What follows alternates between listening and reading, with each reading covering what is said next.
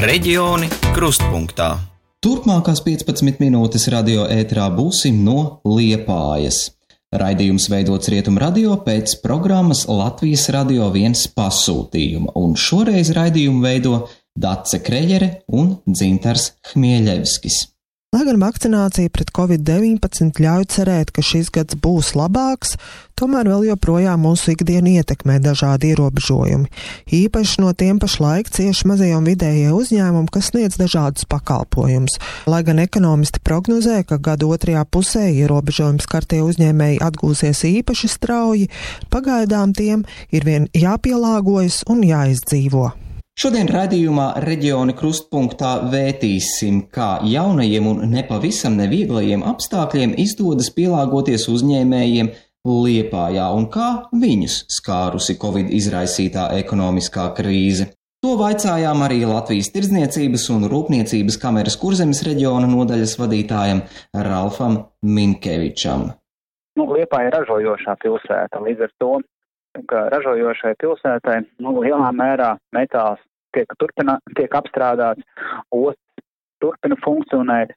Tad uh, kopumā ekonomika um, nu, tā būtiski necieš lielos vilcienos, bet, protams, ja mēs runājam par jomu, kas sev ir šī te apkalpojošā joma, viesnīcas ēdināšana, servis, uh, tur, ir, nu, tur, tur ir grūti.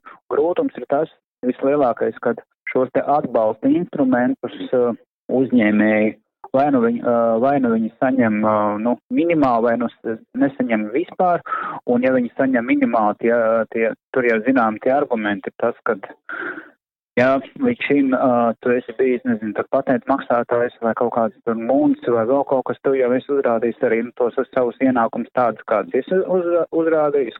Rezultātā valsts aprēķina pēc, pēc taviem minimāliem ienākumiem, protams, cilvēks vairs nesaņem vēlamā apjomā pat pabalstu. Viņš ir, nu, viņš ir kritiski minimāls. Un tad ir daļa uzņēmēji, kas vienkārši atmet ar roku. Viņi vispār, nu, es, es runāju tagad par mazo, tātad tieši mazais, mazais uzņēmējs, kurš ir bijis šis te um, apkalpojāšās sfēras uh, sastāvdaļa. Pēc Ralfa Minkeviča domām, galvenais, kā izdodas pielāgoties ārkārtas situācijai, ir atkarīgs no paša uzņēmēja, viņa zināšanām, prasmēm, finansēm un arī kā uzņēmējs spēja un prot rīkoties jaunajos apstākļos. Līdzīgās domās ir arī Latvijas Tirdzniecības un Rūpniecības kameras kurzemes padomas loceklis Andris Karlsons. Nu, nevar vainot arī tikai, teiksim, Covid. Protams, ka viņš ir nu, nosīt vainīgs par dažādām lietām, jā, bet, nu, teksim, arī tur labi nesaukšu vārdā, bet ir restorāns Liepājā, kur bija vispār, nu, atnāca Covid, pirmais vilnis, nu, šie tur, kā saka, ar staļiem lozongiem, ka Covid viņas ir piebeidzis, nu, bet viņi pusgadu jau bija parādā visiem piegādātājiem, darbiniekiem, tur minimālās algas vai pat vispār uz puslodzi, jā, par tāpu nomu parāds arī pusgada garumā, nu, var jau pateikt, ka Covid to visu nogrāva, jā, bet jūs jau bijāt miruši jau pusgadu pirms Covid. Tā kā jautājums, cik kurš vispār ir biznesmenis. Tiāmo grupē Liepājā ir vairāk apmeklētāji iecienīti ēdināšanas uzņēmumi, un kā rietum radio pastāstīja Toms Zukuls, tad pašlaik darbu turpina 16 kafēnītes un restorānu, un tikai puse no darbiniekiem ir nodarbināti ēdienu piegādē klientiem pārējie saņemot dīkstāvus pabalstus. Tomēr, kā uzsver Tiāmo grupas pārstāvis Toms Zukulis, arī piegādēm ir izmaksas un tās nevar sekt visus izdevumus par restorānu pašlaik neizmantotajām telpām. Mēs strādājam ar stratēģiju, uh, kad uh, vieglāk pēc tam ir iekustināt kuģi, kurš kustās ar uh, mazu ātrumu, nekā iekustināt kuģi, kurš ir pavisam apstājies. Nenoliekšu, ka iespējams izdevīgāk ir pavisam aizvērts ciet uh, nekā, nekā šobrīd strādāt, bet uh, mēs uzskatām, ka ilgtermiņā turpinot strādāt, uh, mēs būsim arī uzticīgāki mūsu viesiem, kā arī beidzoties situācijai, mēs varbūt būsim gatavāki atsākt darbu. Tiamo grupas ēstavēm pasūtījumus var veikt dažādās platformās, bet jau pirms krīzes bija izveidota arī pašiem sava platforma ēdienu pasūtīšanai, kas tagad ir liels atspaids. Ja pirmajā Covid-19 vilnī uzņēmēji nogaidīja, ja rudenī vēl uz kaut ko cerēja, tad tagad mārketinga firmas nevar atkauties no pieprasījumiem pēc mājaslapu un e-veikalu platformu taisīšanas. Par jaunu platformu meklēšanu un atrašanu, lai varētu turpināt darbu, novērojumi ir arī Tirzniecības un Rūpniecības kameras pārstāvim Andrim Karlsonam.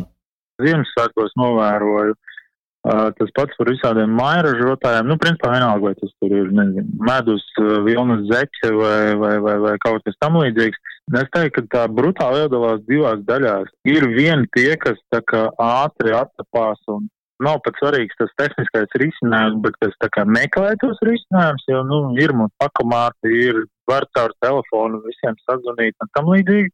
Un ir tie, kas it kā ir visādos Facebookos un vēl nezinu kur, bet arī pašā laikā, tad, kad tu sāc ar viņiem sazināties un ka vajag kaut ko, tad viņiem sākās tur, viņi nemāk atbildēt trīs dienas, nu, vai nav laika, vai negrib, tad nevar saprast, kā tad īsti nosūtīt. Nu, tā, ka drusku plēni. Nu, man, teiksim, tas uh, piemērs salīdzinošais bija, ka bija viens kaut kāds Rīgas uzņēmums, kur bija interesants čīdiņš. Facebooka lapas, fotosesijas tur bijušas. Nu, kā saka, cilvēki piestrādājuši, lai vizuālais viss ir ļoti skaists. Paņēma tas vizuālais, bet tad, kad tu ar viņu sarakstēsi, viņi tev reāli trīs dienas neatdod. Tad pēc tam saka, ui, nezinām, vai es nezinu, paskatīšos, nu jā, bet es nezinu, vai nedēļas laikā es to varēšu. Pazūd visi interesi. Tanī pašā laikā beigās izdomāja Omē tur kaut ko pilnīgi citu. Es sazvanīju sievieti, kurai uh, ļoti primitīva interneta lapa, nu tā, ka visprimitīvākā, ko bezmaksas tājas. Telefona numurs tikai un viss apakšā pierakstīts. Zvaniet 24 7. Es uzzvanīju 11. vakarā, un viņi man jau no rīta deviņos jau zvanīja un teica, tā, es jums sūtīšu uz Liepāju, ā, uz kuru pakamāt jums tur ir divi. Es jau lieku iekšā, gaidiet, līdz tās būs, jā. Tam nav tā tad atšķirība ne ar vecumu, ne ar kaut ko, ka, o, es nemāku internetu lietot vai kas, tur bija vienkārši primitīva lapa ar telefonu, zvaniet, kurā laikā un cilvēks tev atbild, reaģē un nosūta izkolēģi. Nu, te ir tā lieta, es esmu pieradis, ka es māku sēdēt tirdziņā visu dienu, bet ja man kāds tagad sāk zvanīt un prasīt pa telefonu, tas man liekas pa sarežģīti, un es tā kā atmetos un labāk Es saku, saku, ka viss ir slikti un pat nemēģināju. Jo nu jau tā, ka man liekas, mājās sēžot, es pat īsti vairs nezinu, ko uz veikalu vajag iedarīt. Man mājās ved gan lauku ceptu maizi lētu cenu no Siguldas saldējumu, atved paštaisītu Un tas viss ir, teiksim, saplānots. Es zinu, ka Siguldas saldējums brauc tur uh, reiz nedēļā vai reiz divās otrdienās, ieja paskatos Facebook, kā, ok, bija garšīgais, pamēģināšu to otro, ja, atved tev mazo burciņu klāt. Ir tā, ka ir viena daļa, kas ir visu to smuki atstrādājuši un iegājuši, un ir tā otra daļa, kur ir tā kā, vai nu Facebooks, nu, ko tad es tur darīšu, es tur neko nesaprotu. Nu, tā, ka tur pārāk daudz arī vajag saprast. Jā, tas vai grib vai negrib. Kā labu Covid krīzes pielāgošanās stāstu Andris Karlsons min Liepājā pirmo virtuālo restorānu Rīve, kas atvērās īsi pirms Ziemassvētkiem un nu jau guvis negaidīt atsaucību Liepājnieku vidū. Tad nu nolēma iepazīties, kas tas tāds un sazvanīju ar to āboliņu kur jau līdz šim darbojusies ēdināšanas jomā un pašlaik vada virtuālo restorānu. Un tā ideja jau bija, un mēs par to kā, apspriedām un analizējām, kas un kā, un bija skaidrs jau pavasarī, ka būs otrais, otrais Covid vilnis. Lūk, un uh, pirmo sakarā ar darbu mēs diezgan, diezgan sāpīgi cietām, tad nu, meklējām kaut kādu iespēju, kā sev kā, likt lietā savu resursu. Lūk, un, uh, un tā tā ir tā, tās virtuālais restorāns ir diezgan aktīva tendence šobrīd vispār pasaulē, tā skaitā arī Latvijā, Rīgā ir ļoti daudz virtuālai restorāni. Un, un, un tad mēs atradām to kā tādu lielisku iespēju tā kā sevi attīstīt un darīt to, kas patīk un, un, pielāgoties arī laikam. Kā rietuma radio stāstā ar tāboliņu komanda pie ēdienkārtas, telpu remonta, restorāna attīstības strādā jau no septembra vidus. Iesākumā bija iecer virtuālo restorānu atvērt jau uz valsts svētkiem, bet beigās to izdevās izdarīt tikai dienu pirms Ziemassvētkiem. Septiņos vakarā mēs kā, gājām gaisā, uh, Bolt platformā, lūk, un mēs tā kā bijām paredzējuši, nu labi, ben jau kādi trīs liepainieki pasūtīs, nu tā, uh, tuvākie draugi un radi, kas to zināja, bet mēs jau tajā vakarā mūs gāz no kājām, ka mēs vispār nesapratām, kas notiek, un pirmā diena, kad restorāns ir vaļā un virtuvē pilnīgs haoss un trakums, un arī tā, tā tas sākās, un tā tas arī patiesībā turpinās, tā kā tas mūsu prognozētais ir Nu, kā, tas vispār nav nekas, ko mēs bijām prognozējuši. Tas, kas ir patiesībā, ir, ir ļoti daudz pasūtījumu un ļoti labas atsauksmes. Uh, Un, un, un tā, kad es teiktu, jā, ka liepainieki ļoti to novērtē, un manuprāt, liepainieki bija izsalkuši pēc kaut kā interesanta farša un pēc kaut kā, kas izstāsta labi, Jo tā arī ir viena svarīga lieta, ka mēs nepasniedzam ēdienu uz putekļa traukos, mēs pasniedzam diezgan glīti noformētās tādās kartona kārbiņās, un par to arī ļoti daudz izsaka komplimentus. Rīves negaidītos panākums klienti skaidro ar neprasto ēdienu karti, kas nav tradicionālā pica vai burgers, bet gan dažādi interesanti un gardi salāti, uzkodas, pamatēdienu un deserti, kamēr citi konkurenti labprātāk uzturas nogaidīšanas režīmā, kas starp citu esot liepainiekiem raksturīgi, Rīves komanda izvēlas darīt, un jautāja Artē Āboliņai, kas tad ir tā labākā veiksmes atslēga, lai biznesu izdotos pielāgot jaunajiem apstākļiem. Jā, tā piemērošanās formula, nu, tas ir kaut kas, ko noteikti ne, nevar iedot kādam vai kaut kā tā, bet uh, es laikam tas, kā es to redzu, ir vienkārši jāsajūt un jāsaprot, kas notiek, kas notiek apkārt, kas notiek valstī, un ir jāmeklē veids, kā kaut ko turpināt darīt, nevis nedarīt. Tas attiec arī tiešā veidā uz ēdināšanas industriju, kad kā uh, virtuālai restorāni ir tendence, un ja tā ir šī gadsimta tendence, tad vienkārši to vajag darīt. Nevis gaidīt, kad, uh, kad kaut kas atgriezīsies kā bijis, jo mēs nezinām, kad tas notiks. Mēs nezinām, kad mēs varēsim iet padzert kafiju kādā kafejnīcā. Mēs, mēs to nezinām, mēs to nevaram arī zināt. Tāpēc vienkārši meklēt šīs iespējas, kā, uh, kā darīt to, ko tu gribi darīt, tikai pieņemot šīs, šīs dienas noteikumus. Virtuālais restorāns ne tikai priecājās par panākumiem, bet plāno arī attīstīties. Kad tas būs iespējams, piedāvāšot arī liepainiekiem klāt banketu mīlestus un kāzu galdus. Runājot par sabiedriskās ēdināšanas sektoru, noteikti jāuzsver, ka virtuālais restorāns Rīve un Tiamo grupas restorāni nav vienīgie, kuri piedāvā ēdienu ņemt līdzi vai piegādāt klientiem uz mājām. Lielākā daļa šīs nozares uzņēmumu stājoties spēkā jaunajiem ierobežojumiem pārgājusi uz darbu attālinātā formātā, līdz ar to izvēle liepainiekiem ir ļoti plaša.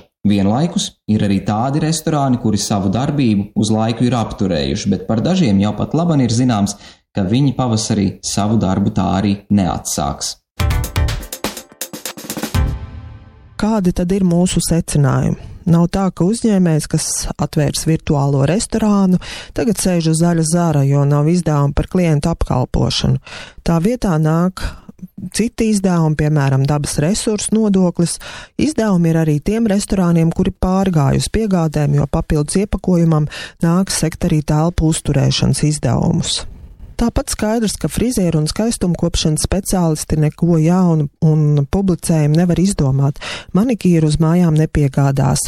Viens no mūsu raidījuma aptaujātajiem viesiem gan minēja vienu liepājas sporta zāli, kas ir uztaisījusi iespēju saviem klientiem sportot laukā. Ir jumts, bet nav sienu.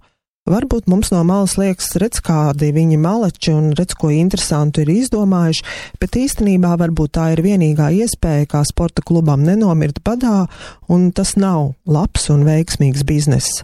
Kutelīgs jautājums tas ir par pielāgošanos un kas tad ir labi un veiksmīgi. Liepājas kā pilsētas veiksmes stāsts noteikti ir tas, ka neraugoties uz turisma un ar to saistīto pakalpojumu pietiekami straujo attīstību pēdējos gados, pilsētas ekonomika tomēr balstās uz ražošanu, ko Covid-19 pandēmija kopumā nav būtiski ietekmējusi, un līdz ar to būs pamats, uz kā atspērties un izdarīt to vēl šogad, ja vien līdz vasarai vīrusu izdosies savaldīt. Arī Liepājas pilsētas pašvaldība jau apstiprinājusi mazo un vidējo komerces sabiedrību projektu līdzfinansējuma sadali šim gadam, konkursa kārtībā piešķirot līdzfinansējumu 15 projektiem kopumā 112 tūkstošu eiro apmērā. Reģiona krustpunktā no Liepājas izskan. Raidījums veidots Rietumu radio pēc programmas Latvijas Radio 1 pasūtījuma. Raidījumu vadīja Dace Krejere un Dzinters Hmieļevskis. Bet jaunadēļ raidījumā pievērsīsimies reģionālajai reformai. Paplašinoties Valmieras novadam, tajā būs 21 kultūras nams. Ko ar tiem darīt? Atbildu uz šo jautājumu meklēs mūsu kolēģi no RTV.